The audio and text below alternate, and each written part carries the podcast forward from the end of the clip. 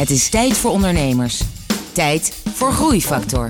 Het programma dat ondernemers beweegt, motiveert en inspireert. Hier is Kees de Jong, groeiondernemer en verbonden aan NL Groeit. Hoe je van droge soepen uit een pakje uiteindelijk voor 5000 man dagelijks een lunch klaarzet. Wat doe je als je erachter komt dat een personeelslid liegt en bedriegt? En waarom focus van essentieel belang is voor je groei?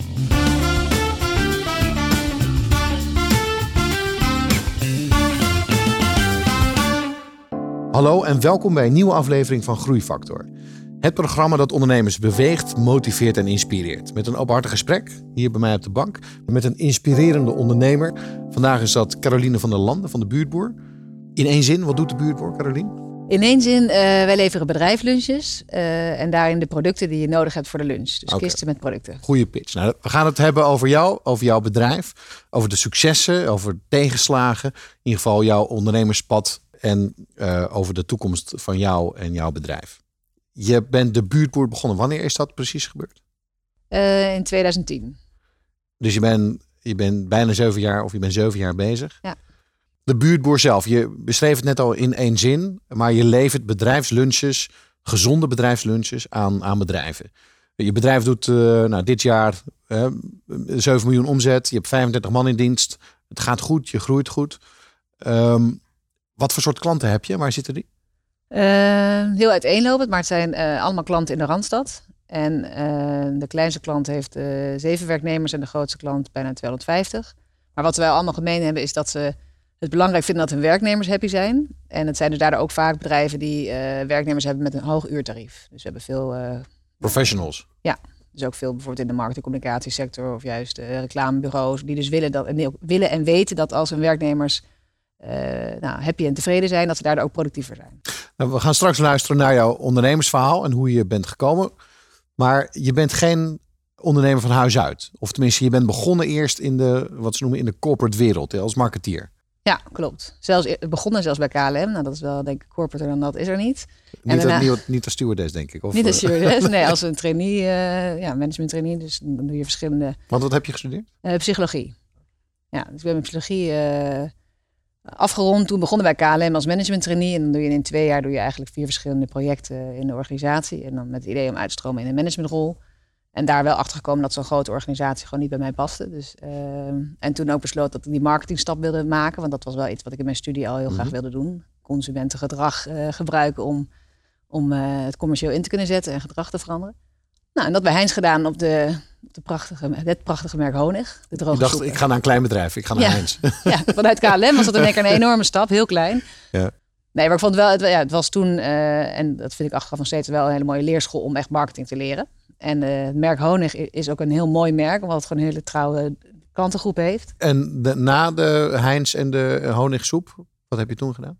Toen ben ik de buurboer begonnen. Dus ik heb nog wel de stap vanuit honigsoep naar de honigbakproducten gemaakt. Maar ik merkte wel dat daar op een gegeven moment dat het gewoon te veel ging wringen. Dat ik gewoon niet meer helemaal op mijn plek zat bij Heinz qua politiek. Maar ook uh, dat ik gewoon met andere producten wilde werken. En, en vooral dat ik wilde gaan ondernemen. Dat was eigenlijk vooral de reden dat ik dacht... Uh, Want wat bracht jou ertoe tot dat inzicht dat je wilde gaan ondernemen? Um, nou, ik heb er wel eens over nagedacht wat nou uiteindelijk een soort van uh, het zaadje is geweest. Maar ik denk of wel de druppel dat, wellicht. Of de druppel. nou, het is wel dat er een aantal dingen gingen me ergeren. En dat uh, mijn man of toen vriend uh, al ondernemer was. Dus mijn frustratie over politiek en over um, gebrek aan eigen vrijheid om besluiten te kunnen nemen dat, dat vond hij natuurlijk heel makkelijk nou, weer leggen in een, in een richting richting het ondernemerschap. Dus dat heeft wel heel erg geholpen. En op dus iedere discussie eindigde in, joh, begin toch voor jezelf? Ja, nou ja, ongeveer wel. Dat was een beetje zijn missie. Nee, maar het is wel, nou, terwijl uiteindelijk is dat wel heel erg in de discussies eigenlijk teruggekomen van, nou, ik wil, ik wil eigenlijk gewoon heel graag toch die ondernemerkant op. En het zijn meer bezwaren vanuit een soort van drempel en angst en zekerheid die je op moet geven, dan dat het nou iets is waar je, uh, nou, waar en, je echt niet En in hoeverre was het concept van buurtboer al uitgewerkt? Begon je daarmee of begon je eigenlijk gewoon je bedrijf... Zeg maar, wat was eerder, het ondernemen of de droom van de buurtboer? Um, nou, die ging denk ik wel gelijk op, maar de ondernemerdroom was iets eerder dan de buurtboer. Ja. Want ik speelde al wel langer met het idee om te gaan ondernemen. En ook veel met, met, ook met mijn zus uh, over gehad. Want daar ben ik ook nog in de eerste instantie gaan kijken of we daar samen iets konden doen. En uh, vanuit, de, vanuit Heinz werd gewoon veel onderzoek gedaan, ook naar, naar eten, naar concepten in het buitenland. En, nou, en ik was zelf gewoon een eetliefhebber, dus uh, ik kwam eigenlijk steeds meer op, uh, op een buurtboerachtig concept, maar dan toch net anders, wat meer op consumenten gericht was. Eigenlijk een beetje nou, de maaltijd aan huis. Beetje Hello Fresh-achtig. Ja. ja. wat toen nog niet bestond, maar wel in het buitenland al veel werd gedaan. En vooral in Scandinavië had soortgelijk concept, maar dan biologisch. Ja. En daar is eigenlijk mee begonnen. En dat, dat concept heeft zich meer geëvalueerd naar, in plaats van dat je dat op kantoor de tas voor thuis aflevert, waar mensen mee kunnen koken, dat je ook de lunch ging meeleveren. En heel snel bleek dat dat eigenlijk een veel groter potentieel had en veel uh, unieker was en interessanter was dan die tas voor thuis. Nou, toen zijn we ons daar volledig op gaan focussen. En je zegt al we, want dat was samen met jouw compagnon Nicky. Ja. Nicky uh, Wiesman. Ja, klopt. En hoe ben je die tegen het lijf gelopen? Uh, Nicky kende ik al uit mijn Groningen tijd. We hadden samen iCheck gedaan, een studentenbestuur. En um, ik was eigenlijk gewoon op zoek naar iemand om het mee te doen. Ik wilde wel echt het met iemand doen, omdat ik gewoon dat daar heel erg in geloofde. Het leek me ook veel leuker, wat ook belangrijk is in ondernemen. En ik had gewoon wel met heel veel ondernemers gepraat die dat ook adviseerden. Van het is gewoon heel goed om bij jezelf te kijken wat je mindere eigenschappen zijn. En daar iemand te zoeken die dat kan aanvullen. En nou, ik heb ook echt tegen iedereen gezegd, ik zoek iemand. En ook gesprekken gehad, soort van sollicitatiegesprekken met mensen die ik nog niet kende. En toen kwam ik Nicky tegen en toen dacht ik, nou, dat zou misschien nog wel en, iets en kunnen zijn. Hoe ging dat in het begin? Voelde je al dat het een goede match was? Wanneer wist je dat, je dat het werkte, jullie combinatie? Nou, we zijn eerst wel een aantal maanden zijn we uh, vrijblijvend samengewerkt. Het was nog, nog maar een idee en het was ook nog helemaal niet concreet. Dus we zijn echt samen dat verder gaan ontwikkelen. En zonder dat we meteen in een BV zaten, maar juist op een... Uh, nou, op de structuur zoals die toen stond op bij naam. Volgens mij was het toen nog een eenmanszaak. Mm -hmm. En toen uh, zijn we gewoon na een half jaar gezegd van nou hier zien we genoeg potentieel in op de eerste resultaten, zeg maar na, na, van een pilot en de eerste klanten. En op de samenwerking dat we dachten nee dit wordt gewoon een goede match. En dat dachten we toen en dat moet altijd maar blijken, maar dat uh, is dus gebleken dat het een goede keuze was geweest. Je hebt 35 man. Dit jaar uh, willen jullie 7 miljoen omzet doen. Jullie leveren bedrijfslunches aan bedrijven, voornamelijk met professionals. En je was net op het moment waarin je zou gaan vertellen hoe in de eerste maanden van het bedrijf um, je de operationele nachtmerrie, zeg maar, hebt doorstaan.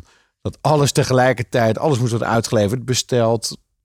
Vertel eens. Ja, nou, nachtmerrie zou ik niet willen noemen. Dat was een uh, operationele uitdaging. Maar het was wel, het is, je hoort natuurlijk vaak bij ondernemers dat je meerdere ballen in de lucht moet houden. Dat is zeker in een uh, operationele uh, operationeel veld als bij de buurboer is dat ook zo. Want je moet dus letterlijk kratten uitpakken waar tomaten in zitten, het herverdelen over kisten, bonnen uitprinten en tot aan het salesgesprek voeren. En, um, en de uitdaging heb je ook dat je in het begin nog zo klein bent dat niemand langs wil komen om die producten af te leveren. Want de bakker gaat niet voor één brood even een detour maken door Amsterdam. Um, het voordeel was wel weer dat we dus heel snel door hadden dat we en personeel moesten aannemen. Dat als we dit gingen doen, dat we dan over twee jaar nog steeds kisten aan het inpakken waren, waar we niet helemaal blij van werden. En dat we heel snel moesten groeien, omdat we op deze manier de hele logistiek niet konden bolwerken. En dat zijn dus ook wel twee focuspunten geweest. Zo Ja. snel mogelijk goed personeel en die groei. Ja, en ik kan me ook voorstellen dat je in het begin helemaal geen winst maakt. Want de winst komt pas natuurlijk bij een bepaalde minimale hoeveelheid kratten die je kan verkopen. Ja. Nou, dat was op zich nog wel redelijk snel, maar dat had meer te maken met het feit dat je door die abonnementsbasis kan je relatief goed eh, eh, voorspellen wat de hoeveelheden zijn die je moet inkopen. En dat eh, zowel op meters kantoorvloer als in letterlijk de producten. We hebben ook eigenlijk gewoon geen derving, omdat we alleen op basis van abonnementen leveren. Dus wij weten aan het eind van de week wat er nog in de koeling moet liggen. Wat, wat ging er mis in het begin? Ehm, nou, in het be- in het begin ging er heel veel mis, meer gewoon kleine dingen. En dat was natuurlijk wel als je dus dat belooft aan een klant dat je juist voor blijdschap gaat zorgen, is dat eh, wil je alles 100% goed doen. Eh, nou, ook het cliché dat je juist eh, doordat je te weinig klanten hebt en de grootste klant zegt op, dan heb je in één keer een derde minder van je omzet. Dus al die spannende uitdagingen, daar hebben wij zeker tegen aangelopen. Maar nou, we zijn allebei heel erg positief. Dus ik, ik vind het altijd moeilijk om terug te kijken wat er dan echt, echt misging. Want daar Nou, een hebben- grote klant die opzegt, kan me voorstellen dat in het begin dat je dan aan alles gaat twijfelen. Hebben we het dan wel goed gedaan? Hebben we het dan wel. Ja. Nou, nee, nee, dat had ik op zich niet. Terwijl dat we weer dachten, we moeten harder groeien. Want dan worden vanzelf die klanten, dan worden we minder afhankelijk van één klant. Ja. Maar het is meer gewoon een domper. Het was dan letterlijk op mijn huwelijksreis. Ik kwam terug en toen eh, werd er, eh, was die, net die ene grote klant opgezegd. Dus dan Je is wel nog, even... ik kan ook nooit weg. Nou, je moet wel even weer eh, ja, continu die energie er weer bij trekken. Om wel te zorgen dat je er weer zin in hebt om weer vervolgens om zes uur 's ochtends op maandag eh, die kisten in te pakken. Want dat was wel iets wat we gewoon de eerste jaren gewoon heel lang gedaan hebben. Niet meer elke dag, maar wel eh, die maandagochtendshift. Die was altijd heel intens. En die, Ja. daar stonden wij gezellig nog steeds tomaten in te pakken en de lijsten af te werken. Ja. En dat is, dat is bij een tegenslag moet je daar wel elke keer weer even jezelf bij elkaar rapen. En een van de, van de dingen die zo bijzonder is aan jullie product, aan jullie eh, box, kist, ehm, is dat het allemaal streekproducten zijn en ambachtelijk en biologisch. Waar haal je dat dan vandaan? Ga je langs boerderijen of koop je dat ergens bij een centrale groothandel? Ehm, nee, nou, we, eh, we hebben dus nu ongeveer 25 leveranciers en die, eh, die leveren bij ons. En in het begin zijn we echt op zoek gegaan, want bijvoorbeeld in Amsterdam wil je dus verschillende soorten bakkers, omdat de een wil echt volkorenbrood van Har- Hartog eh, bakkerij, de ander wil juist wat meer toegankelijker brood van B-brood. Nou, zo hebben we een, een aantal bakkers gevonden. En hoe kleiner je bent, eh, hoe minder je kan variëren. Nou, en op een gegeven moment heb je gelukkig een bepaald niveau dat je daarin eh, ook met meerdere leveranciers kan werken. In het begin hebben we heel erg gezocht en nu komen ze gelukkig ook meer op ons pad, omdat ook de buurt me dan via via horen. Maar ehm, nee, in het begin is het dus echt heel erg een, een, ook een zoektocht geweest. Als je dan die eerste fase door bent, hè, dat je weet, oké, we hebben een businessmodel, we hebben klanten, we hebben de toeleveranciers, we kunnen personeel aannemen. Hoe is het daarna gegaan? Hoe heb je verder kunnen schalen? Ehm, nou ja, wat ik wel net aangaf, we hebben een abonnementsmodel. En dat is dus voor het schalen is dat echt heel, eh, heel prettig. Dat Ja. betekent dat je dus eigenlijk met... eh, eh, nou, we hebben nu ongeveer 5000 mensen die elke dag met ons lunchen. Maar dat zijn maar 300 klanten. Dus op zich is dat nog, klinkt dat nog best behapbaar om dat eh, te vinden in de jaren. En die hebben, Ja. omdat ze elke dag met je lunchen, hebben die gewoon een enorme omzet. Dus ehm, nou, in het begin was het via via, maar op een gegeven moment merk je wel dat dat ook een beetje eh, een, eh, wat meer slagkracht moet krijgen. Dus toen hebben we eigenlijk gewoon heel veel via trial and error gedaan met marketing en sales. Dus ehm, eerst gewoon, nou, we hebben bijvoorbeeld een krantencampagne gedaan, letterlijk adver- geadverteerd op de voorpagina van NRC Next. Nou, dat leverde wat minder op. En dan vervolgens doe je weer een bepaalde partnership met partijen die, waar we, die over jou communiceren in een nieuwsbrief. En dat werkte voor ons weer wel heel gunstig. Dus dat hebben we ja, eigenlijk gewoon heel erg met testen hebben we dat eigenlijk eh, eh, geprobeerd steeds nou, beter te maken. En die nieuwsbrieven, dat was het meest effectief voor jou. Nou, dat is een manier. De meeste is nog steeds wel dat onze klanten ons aanraden. Dus dat, dat proberen we ook gewoon heel erg te doen. Als je enthousiast bent, nou, vertel het graag ook aan andere bedrijven. Ehm, en we hebben nu een sales team die op een manier sales doen via van LinkedIn tot aan eh, aanbellen bij bedrijven, op, eh, op events, daarna echt van alles. Ehm, nu hoeven wij het gelukkig niet meer zelf te doen, maar er is niet één manier die voor ons het ehm, eh, succes heeft teweeggebracht. Ik denk eigenlijk wel dat het abonnementsmodel in, in zich, aan zich, zeg maar, in zichzelf, daar zit eigenlijk het, het groeimodel in. Want, want je laat mensen ook per maand vooruit betalen. Nee, helaas niet. Dat zou ik graag willen, maar dat. Ja, waarom heb je dat niet gedaan? Nou ja, omdat ze dat, dat willen ze niet. Dus voor ons is het al een, eh, een, een uitdaging om eh inkassen er doorheen te krijgen. Er zijn al heel veel bedrijven die dat niet willen. En ehm, eh, nee, en het vooruitbetalen, dat, dat zou je denken bij een product wat je opeet. Dat dat juist iets is wat niet eens zo'n raar idee is. Want het is inderdaad niet iets wat je vervolgens nog kan terughalen. Maar daar heb je helaas wel te maken met bedrijven die daar anders over denken. Groeifactor is een initiatief van MKB Brandstof. Ga naar mkbbrandstof.nl voor nog meer openhartige verhalen van inspirerende ondernemers. Groeifactor inspireert ondernemers. We hadden het over die groeifase. Je kwam erachter hè, dat je door marketing sneller kon groeien. Eh, een aantal testen gedaan. Je, je bedrijf ging ook groeien. Je moest meer mensen in dienst nemen. En, en het werd steeds meer voor het echi, zeg maar. Hè. Serieuze omzetten, serieuze commitments die je moet aangaan. Je werd steeds meer ondernemer. Terwijl je daarvoor, ja, was je gewoon medewerker. Wat vond je nou de grootste verschillen tussen het zijn van ondernemer en die verantwoordelijkheid dragen versus wat je daarvoor deed? Ja, de, de vrijheid vind ik het aller, allerlekkerste aan de rol van ondernemen. Dat je gewoon zelf kan bepalen welke kant je op wil. En natuurlijk heb je ook verplichtingen naar je, naar je personeel toe. Maar je hebt wel veel meer... eh, De, de knoppen waar jij aan kan draaien, die kan je zelf bepalen. Dus dat is natuurlijk heel anders dan wanneer je werknemer bent. Ehm, nou, wat ik het meest vind tegenvallen is dat je toch eh, dat, eh, ja, die, die knop niet uit kan zetten als je naar huis gaat. Is wel iets wat gewoon altijd bij mij in ieder geval eh, in mijn achterhoofd zit en op vakantie speelt. En ja, als je ook nog met een ondernemer getrouwd bent, waar je dan ook heel veel met elkaar over kan hebben. Dus dat is natuurlijk superleuk en heel erg inspirerend. Kan ook een, ja, een, een valkuil zijn dat je dus veel met je werk bezig, bezig blijft. Ja.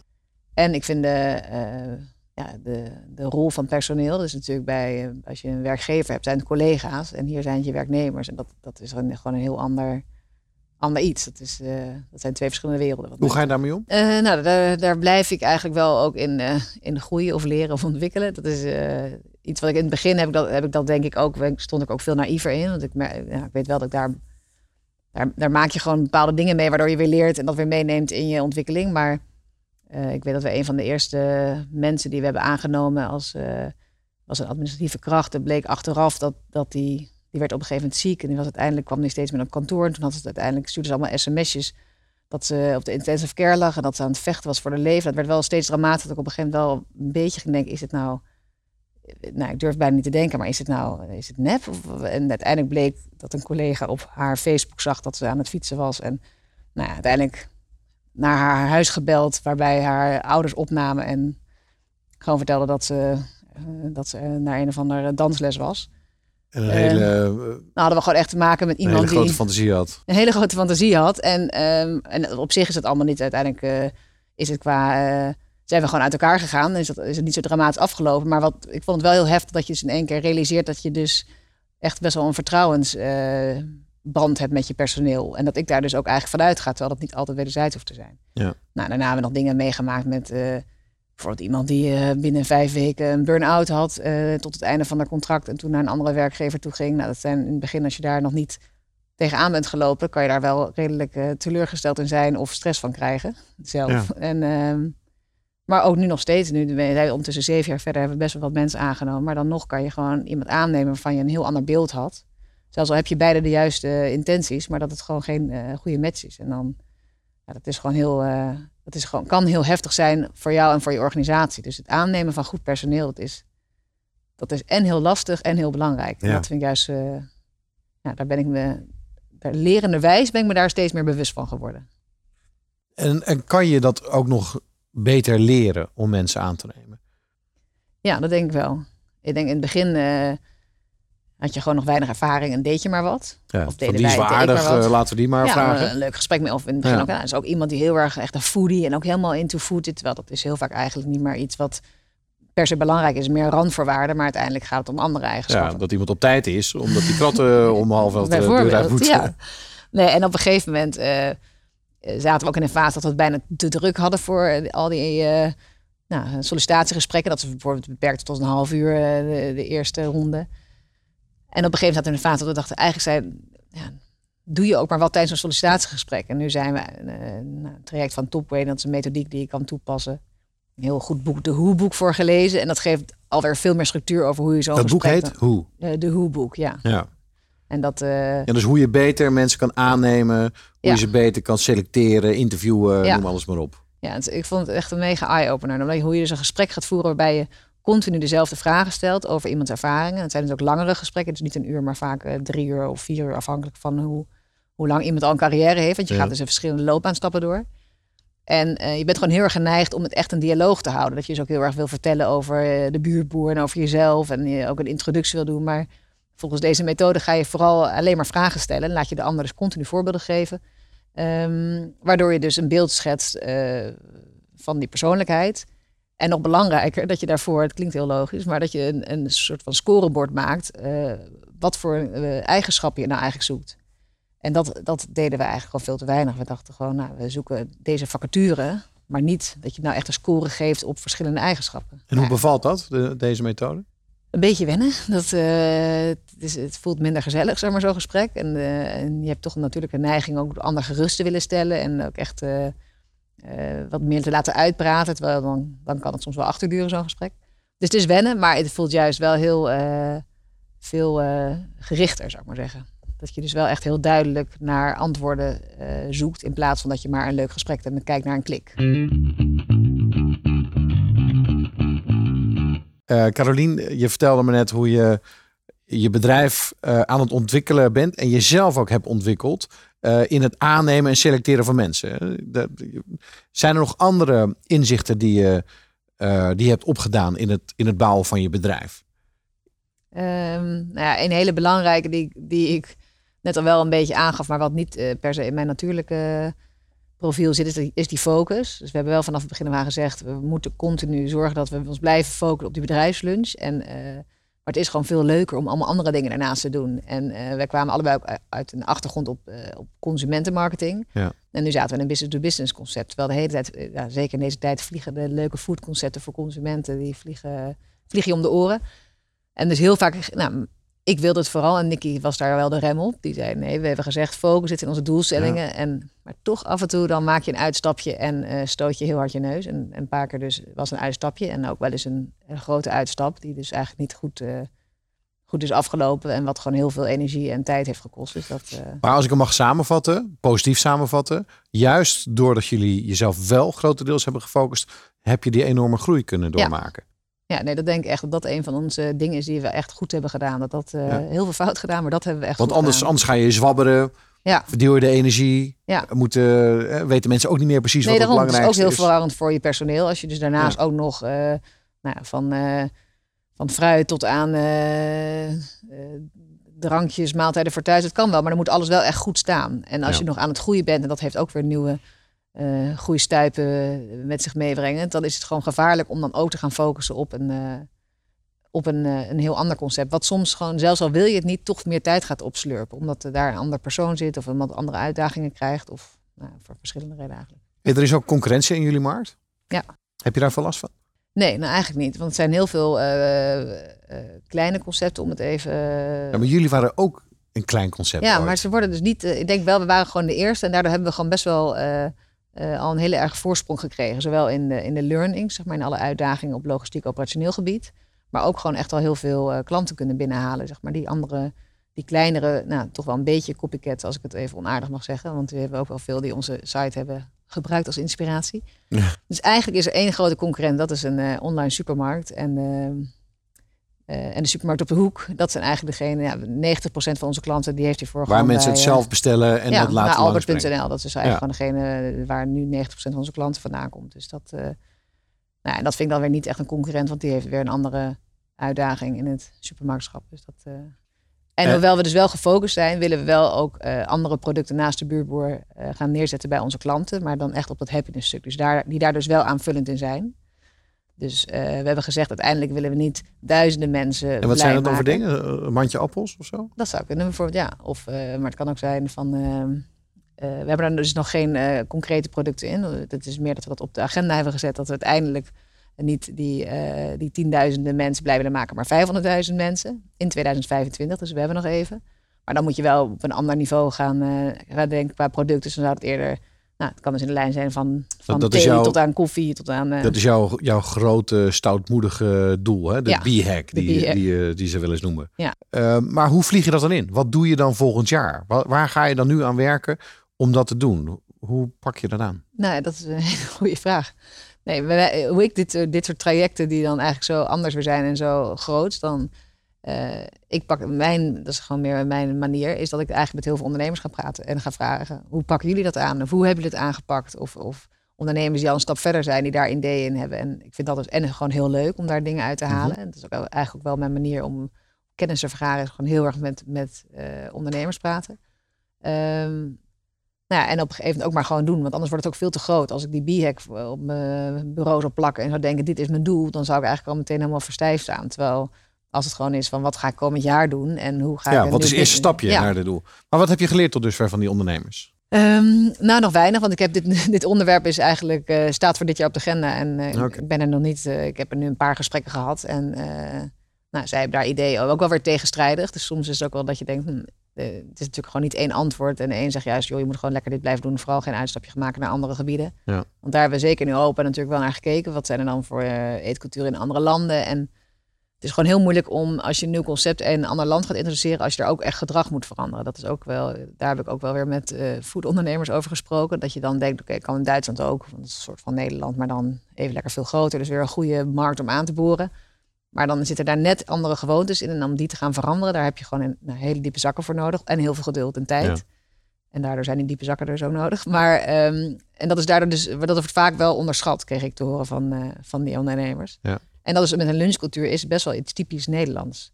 Dus ze zijn wel uh, bepaalde steden waar ze bijvoorbeeld weer, ehm, nou, weer meer een lunchcultuur hebben. Bijvoorbeeld Berlijn is dan wel meer zoiets. Maar het echt het, uh, het bammetje eten met elkaar, dat, met kantoor, dat is wel iets wat heel Nederlands is. Dus dat is niet heel makkelijk in, uh, in 1, 2, 3 uit te rollen in andere landen. Maar goed, betekent niet dat daar niet een soortgelijk concept kan worden geïntroduceerd. Maar ik denk er ook niet te luchtig over, zeg maar. Dat is wel iets wat, um, nou, wat ik eigenlijk wel heb geleerd en wat ik misschien in het begin nog wel eens kon wat naïver over kon denken. Dus uh, dat zou ik niet over enig ijs doen, zeg maar. Oké, maar voorlopig is Nederland groot genoeg voor jouw ambities en ja. jouw wensen? Ja, nee, voorlopig wel. En zeker, nou ja, het werk in Nederland is gewoon heel groot. Dus misschien zijn die lunchconcepten van de buurtboer niet bij alle werknemers uit te rollen omdat je met grotere bedrijven te maken hebt of juist kleinere. Maar dan denk ik dat er nog wel veel andere interessante concepten zijn. Hey, jij noemde net uh, dat het spreken met andere ondernemers, dat je daar veel inspiratie van krijgt. Ja, hoe, hoe doe je dat? Hoe vaak doe je dat?